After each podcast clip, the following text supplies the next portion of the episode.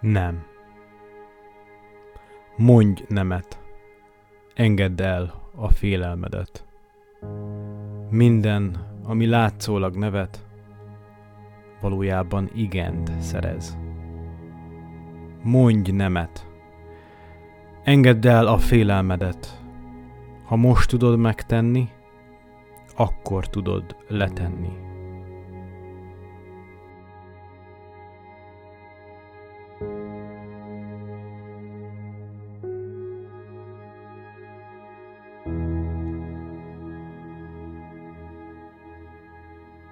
Ez itt a Lélek Fürkész Podcast.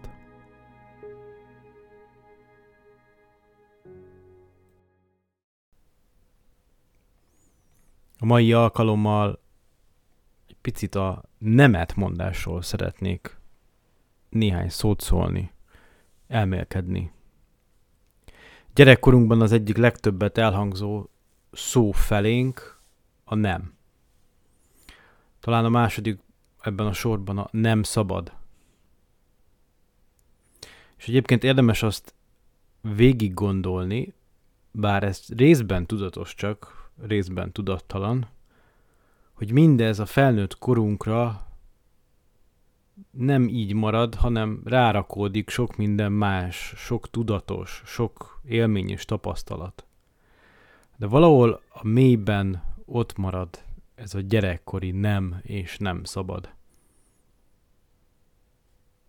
Ugye akár szabálytudatos fajták leszünk, és mondjuk az 50-es táblánál biztos, hogy nem fogunk gyorsabban hajtani, akár kihívásnak éljük meg, mondván, hogy nekem aztán meg nem mondják, hogy mennyivel menjek, ugyanaz a nem felszólítás hallatszik belülről, mélyről, csak az egyik szót fogad, a másik lázad.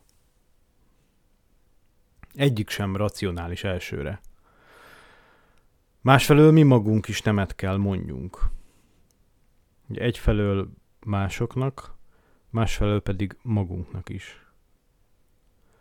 Másoknak azért kell nemet mondanunk, mert nem akarunk valamit, amire megkérnek bennünket. De magunknak is nemet kell tudni mondani, amikor magunkat korlátok közé szorítani akarjuk. Gondoljunk egy példára. Most nem eszek még egy csokit, pedig szívesen ennék még egy csokit. Jó esne.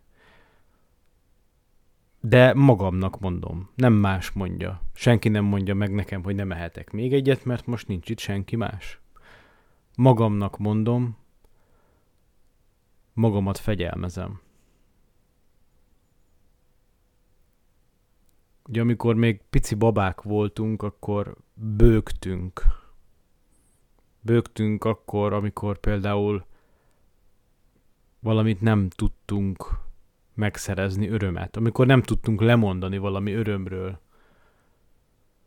Bőgtünk, mert nem tudtunk magunknak nemet mondani.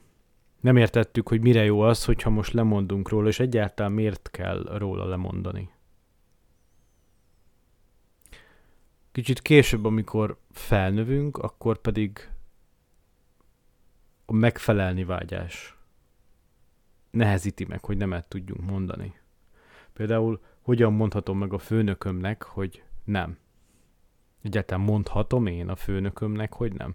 Van olyan munkakörű leírás, amiben azt látjuk, hogy bele van írva, hogy itt nemet lehet mondani a főnöknek, de hát ha nincs beleírva, akkor én hogyan mondhatok nemet? Hogyan mondhatok a páromnak nemet? Hogyan mondhatok a kliensnek nemet, a kéregetőnek? Hogyan mondhatnék nemet a rendőrnek, vagy bárki másnak? Hogyan mondhatom azt, hogy nem? De néhány szót érdemes szólni, vagy többfajta megközelítést is lehet arról tenni, hogy hogyan is kell tudni a nemet mondani, és mit is jelent ez, hogy ha mi nemet mondunk. Egy komplikált életű, de azért egyben, vagy talán éppen ezért nagyon tapasztalt ismerősöm azt mondta egyszer nekem, hogy ne feledd, három dolog van, ami a munkádban segíteni fog a jövőben, és azóta a fejemben forog ez a három kifejezés, bár ebből most kettőt fogok kihangsúlyozni, elmondom majd mind a hárman, de kettőt érdemes már az elején jól megjegyezni. Az egyik az a kompetencia szó. A kompetens személy az, aki valamihez ért. Tudom, hogy ebben nem is biztos csak, hogy jó vagyok, lehet, hogy annál is jobb, de az is lehet, hogy picit rosszabb, de azért értek hozzá. Nem biztos, hogy én vagyok a világ legjobb orvosa, ha orvos vagyok, de éppen kompetens vagyok, hiszen orvosként dolgozom valahol, mondjuk egy kis településen, akkor én egy kompetens személy vagyok. Vagy például arra kérnek meg az utcán, hogy légy szíves, segíts már fölvenni ezt a szatyrot. Mondja neked, vagy olyan ember, aki bottal közlekedik. Lehet, hogy nem te vagy a legkompetensebb személy, de te vagy ott. Te kompetens vagy, mert le tudsz hajolni. Igazából, hogyha a mindennapi munkánkra gondolunk, és a kompetencián gondolkodunk, akkor ez jusson eszünkbe, hogy ott és akkor, ahol vagyunk és ami a dolgunk, abban mi kompetensek vagyunk, jó esetben legalábbis. De hogyha valóban értünk ahhoz a dologhoz, hiszen nem véletlenül vagyunk abban a munkakörben, akkor azt a dolgot meg kell tennünk. De csak azt. Ha más feladat jön, amiben nem érezzük azt, hogy kompetensek vagyunk, nemet kell, és talán tudunk is mondani jó esetben. Azt kell mondani, hogy nem, ehhez nem értek. És igazából egy jó vezető ezt értékelni. Ha nem értékeli, ott valószínűleg nem bennünk van a probléma. Egy jó vezető, ahogy nemrég hallottam egy, ez nem is tudom, hogy milyen, mibe volt, de egy, egy, egy idézet, egy részlet eszembe jut egy jelenetből, amikor valaki mondta, hogy úgy vett föl valakit a munkahelyére, hogy megkérdezte, hogy értesz ehhez, és azt válaszolta a jelentkező, hogy hát nem, de hogyha adnak egy kis időt, akkor megtanulom. És ehhez értesz? Hát igazából ahhoz se, de ha adnak egy kis időt, megtanulom. És mondja erre ugye a vezető, hogy na akkor döntöttem el, hogy felveszem ezt az embert. Mert nekem nem az kell, hogy most érte hozzá vagy sem, hanem azt, hogy van-e benne motiváció. Szóval az első ilyen dolog, amit érdemes megjegyezni, az a kompetencia. Amihez értek. A másik a preferencia. A preferencia az, amikor sorrendet állítok fel, és el tudom dönteni azt, hogy melyik a fontosabb és a kevésbé fontos. Preferenciában jó esetben előbbre van a család, mint a munkám. A preferenciában valószínűleg előbbre van az, hogy egészségesen éljek, mint az, hogy minden nap nagyon jókat egyek. Önmagában jó tenni nem rossz dolog, de van egy preferencia, amit felállítok. Ha felállítom és egészséges ez a preferencia, el tudom dönteni azt, hogy hát nem vállalok be mondjuk még egy munkát, mert bár jó lenne egy kis plusz fizetés, de akkor sosem lennék együtt a családdal akkor évekig, vagy akár egy-két évtizedig nem látnám a saját gyermekemet, a páromat, vagy azokat, akik rám lettek bízva ebbe az életbe. Ha az orvosi példát hozzam föl, az, mint az előbb, amiről beszéltem, akkor azt mondja a házi orvos, hogy előbbre veszem azt, aki rosszabbul van, mint azt, aki még tud várni. Ha már ezt a kettőt figyelembe vesszük, elég jó helyen járunk, hogy nemet tudjunk mondani, de van egy harmadik. Igazából itt két szó is van. Amit először hallottam harmadiknak, az a differencia. Ugye tudjunk megkülönböztetni. Azt jelenti, hogy meg tudjuk azt különböztetni, hogy kivel van dolgunk és miért. Ez részben kapcsolatban van a kompetenciával az a házi orvos, aki fölhív egy szomszédbeli ember, hogy szívesen venni, hogyha őt is fogadná, mondhat nemet. Azért mondhat neki nemet, mert nem hozzá tartozik. Különbséget tesz. Mondhat egy ember nemet olyan helyzetben, amikor azt érzi, hogy ez nem az ő rábízott ember. Amikor mondhatja azt, hogy ez nem az én munkaköri leírásomba tartozó feladat. Amikor mondhatja azt, hogy nem feladatom nekem más gyermekét felnevelni. Nem dolgom és feladatom az, hogy minden hajléktalannak pénzt adjak. Bár nemet mondok sok-sok hajléktalanra, lehet, hogy van egy, akit támogatok. Egy apa igent mond a saját gyermekére, de egyébként nemet mond a többire. Ha valaki megházasodik, igent mond a párjára, és egyébként nemet mond az összes többire. Ha úgy nézzük, egy igent mond, és a maradék négy milliárd emberre nemet. Ha a másik nemet vesszük. Popper Péternek van egy idézete. Nem tehetünk eleget mindenki elvárásának. Nem szolgálhatjuk ki mindenki igényeit. Az emberek annyira sokfélék és olyan sokfélét és ellentéteset követelnek tőlünk, hogy szét kellene szakítanunk magunkat a megsemmisülésig. Főleg, ha mindennek meg akarnánk felelni. Ez nem lehet magatartásunk mértéke. Szelektálnunk és választanunk kell az elvárások között, ennek mértéke pedig saját meggyőződésünk, a lelki ismeretünk. Ezért adott esetben tudnunk kell nemet mondani.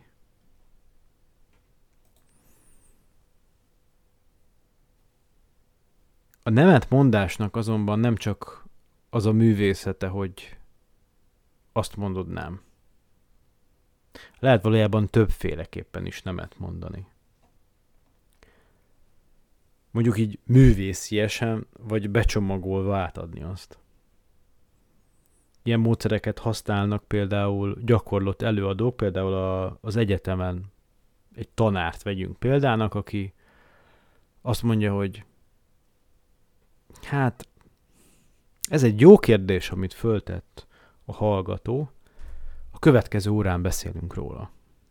Lehet, hogy azért mondja, mert nem tud rá válaszolni, lehet, hogy egyébként tudja, csak kényes a kérdés, de egy nagyon ügyes módszer ezt mondani, hogy hát oké, szuper, nagyon jó kérdés, következő órán lesz rá időnk. Nem hazudik, de szépen nemet mond. Aztán a következő órán elmondhatja, vagy készülhet rá, vagy esetleg négy szem közt elmondhatja a hallgatónak, hogy figyelj, nem akartam másokat mondani, de ezt, ezt nem akarom mindenki előtt elmondani, de önnek elmondom négy szem közt. Vagy van egy másik módszer, amikor az érzelmekre hatsz. Mondjuk ilyen az, amikor valaki elkéri a kedvenc könyvedet, és azt mondod, figyú, ez a könyv nekem olyan, mint ott egy féltett bélyeggyűjteményed, te se adnád ki a kezedből, én se szívesen adom oda.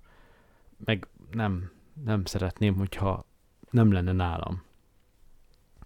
Ezzel érzi a másik azt, hogy nem fogja megkapni, de mégse érzi annyira támadónak. Az is fontos, hogy ne csak becsomagoljuk, hogyha kell, bár nem mindig kell, de hogyha olyan helyzetben vagyunk, akkor mindig csak szebben fogalmazzuk meg a nemet, de ami szintén fontos, sőt, talán még ennél is egy picit fontosabb, hogy ügyeljünk arra, hogy mindig az ügyre mondjunk nemet, és ne a személyre.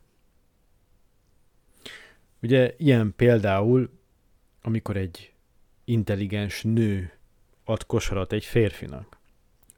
Mondjuk amikor egy fiú a lányt randira hívja, és a lány azt mondja, hogy nem, nem, nem, veled biztos, hogy nem. Akkor a személyre mondott nemet.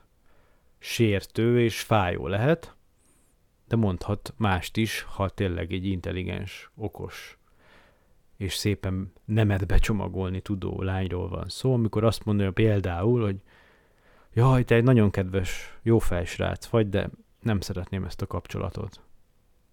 Ugye ilyenkor a kapcsolatra mond nemet, nem a személyre.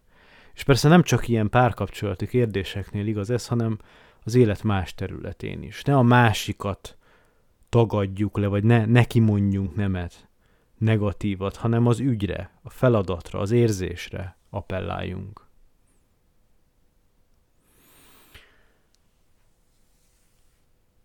A nemet mondásnak az egyik következménye nem csak az, hogy több időd lesz dolgokra, más dolgokra, amiket mondjuk valóban szeretnél elérni, hanem az is, hogy rájössz, hogy ezzel tudsz több barátot megtartani. Ugyanis tapasztalhatod, hogy sok kapcsolat éppen a halogatás miatt romlik meg. Amikor valamire nem tudsz nemet mondani. De teljesíteni sem fogod tudni, amit kellene, vagy nem kellő mértékben, vagy nem úgy, hogy a másik várja, te meg csak halasztod azt a nemet. Igazából lehet már az elején tudod, hogy nem lesz belőle, vagy ha mégsem lesz belőle egy kategorikus nem, akkor csak olyan immelámmal igen, vagy, vagy olyan, ami hazugság, nem. Sokszor ezek az emberek ugyanis hazugságba mennek. Jaj, meghívnak egy esküvőre, ú, oda el kell menni, az mennyi pénz? Nincs is kedvem, meg aznap, ah, előtte is hajnalig dolgozok, de hát mégiscsak egy jó ismerős, most hogy mondok neki nemet? Ah, majd mondom, hogy covidos lettem, beteg lettem, a főnököm miatt nem tudok menni. Pedig sokszor egy gyors, őszinte, vagy akár egy finoman becsomagolt nem többet ér. Igazából, ha egyből válaszolsz, és egyértelmű az a nem, a másiknak teret adsz. Időt és újabb lehetőségeket. Ha ezt nem értékeli, akkor majd később fogja, és hogyha később sem érti meg, akkor az úgysem barátság. Valójában rájön az ember, hogy sokkal felszabadítóbb nemet mondani, és a többi ember, a többség az ilyen embert erősnek fogja tartani. Az igazán jó vezetők nemet tudnak mondani. És gyorsan, és határozottan. Nem felelőtlenül, de nem is csomagolják agyon. És mivel kellő időben gyorsan jön az a nem, működni fog a rendszer. De hogy mondjuk egy másik példát is erre. Amikor ismerősökkel, és nem feltétlenül csak közeli ismerősökkel találkozom, akik megházasodnak, sokszor appellálnak arra, vagy magyarázzák a házasságuknak az elhalasztását azzal, hogy még ez kell, amaz kell, ugye kell még a ház, még kell egy munkahely, még kell a pénz. Valójában azt gondoljuk, hogy az a racionális, hogyha megvárjuk, míg minden teljesül, minden feltétel, és majd utána köteleződünk el. Pedig van egy ismerősöm, aki azt mondta, hogy én nagyon hamar igent mondtam, mert tudtam, hogy így tudok majd később a tanulmányaimra fókuszálni. És akkor mondtam neki, hogy hát ezt értem, de hogy te egy ilyen tényleg valóban megfontolt ember vagy, aki aztán kutató lettél, és minden jól megy, de hogy pont ezért gondoltam, hogy ha megfontolt, az megfontoltabb lesz majd a pár, párkapcsolatokban. És mondta, ő kellően megfontolt volt, és 19 évesen azért házasodott meg, mert mondja nekem, tudod, még a haverjaim 30 évesen is bulikba jártak, ismerkedéssel töltötték az idejüket, nem is beszélve a rövid távú kapcsolataikról, ahol mindig mindent előről kellett kezdeniük. Én közben tanultam. Nekem már ugyan volt sok elfoglaltságom a párom és majd a gyerekeim miatt, de hogy ezzel haladtam, és nyugodt, nyugodt voltam, biztonságban éreztem magamat, és nem kellett egyetlen percet sem gondolkodnom azon, hogy most akkor ki a következő párom. Hogy újra kezdjem az ismerkedést, a randizást, ami igazából visszanézve, mondja, több energiámat és időmet telt el, mint azzal, ami a gyereknevelés és a házasság. Valójában tehát nem meg kell várni, míg az ember megházasodik, hanem előbb kell megházasodni, és hagyni kell kibontakozni az életet. hogy ebbe nőjön bele. És igazából így könnyebben összefornak az emberek is, együtt nőnek bele az életbe, a társadalomba, egymás munkahelyébe. Nem kell megszokni a másiknak ebéli dolgát, hogy ő ezzel foglalkozik, így alakul, úgy formálódik.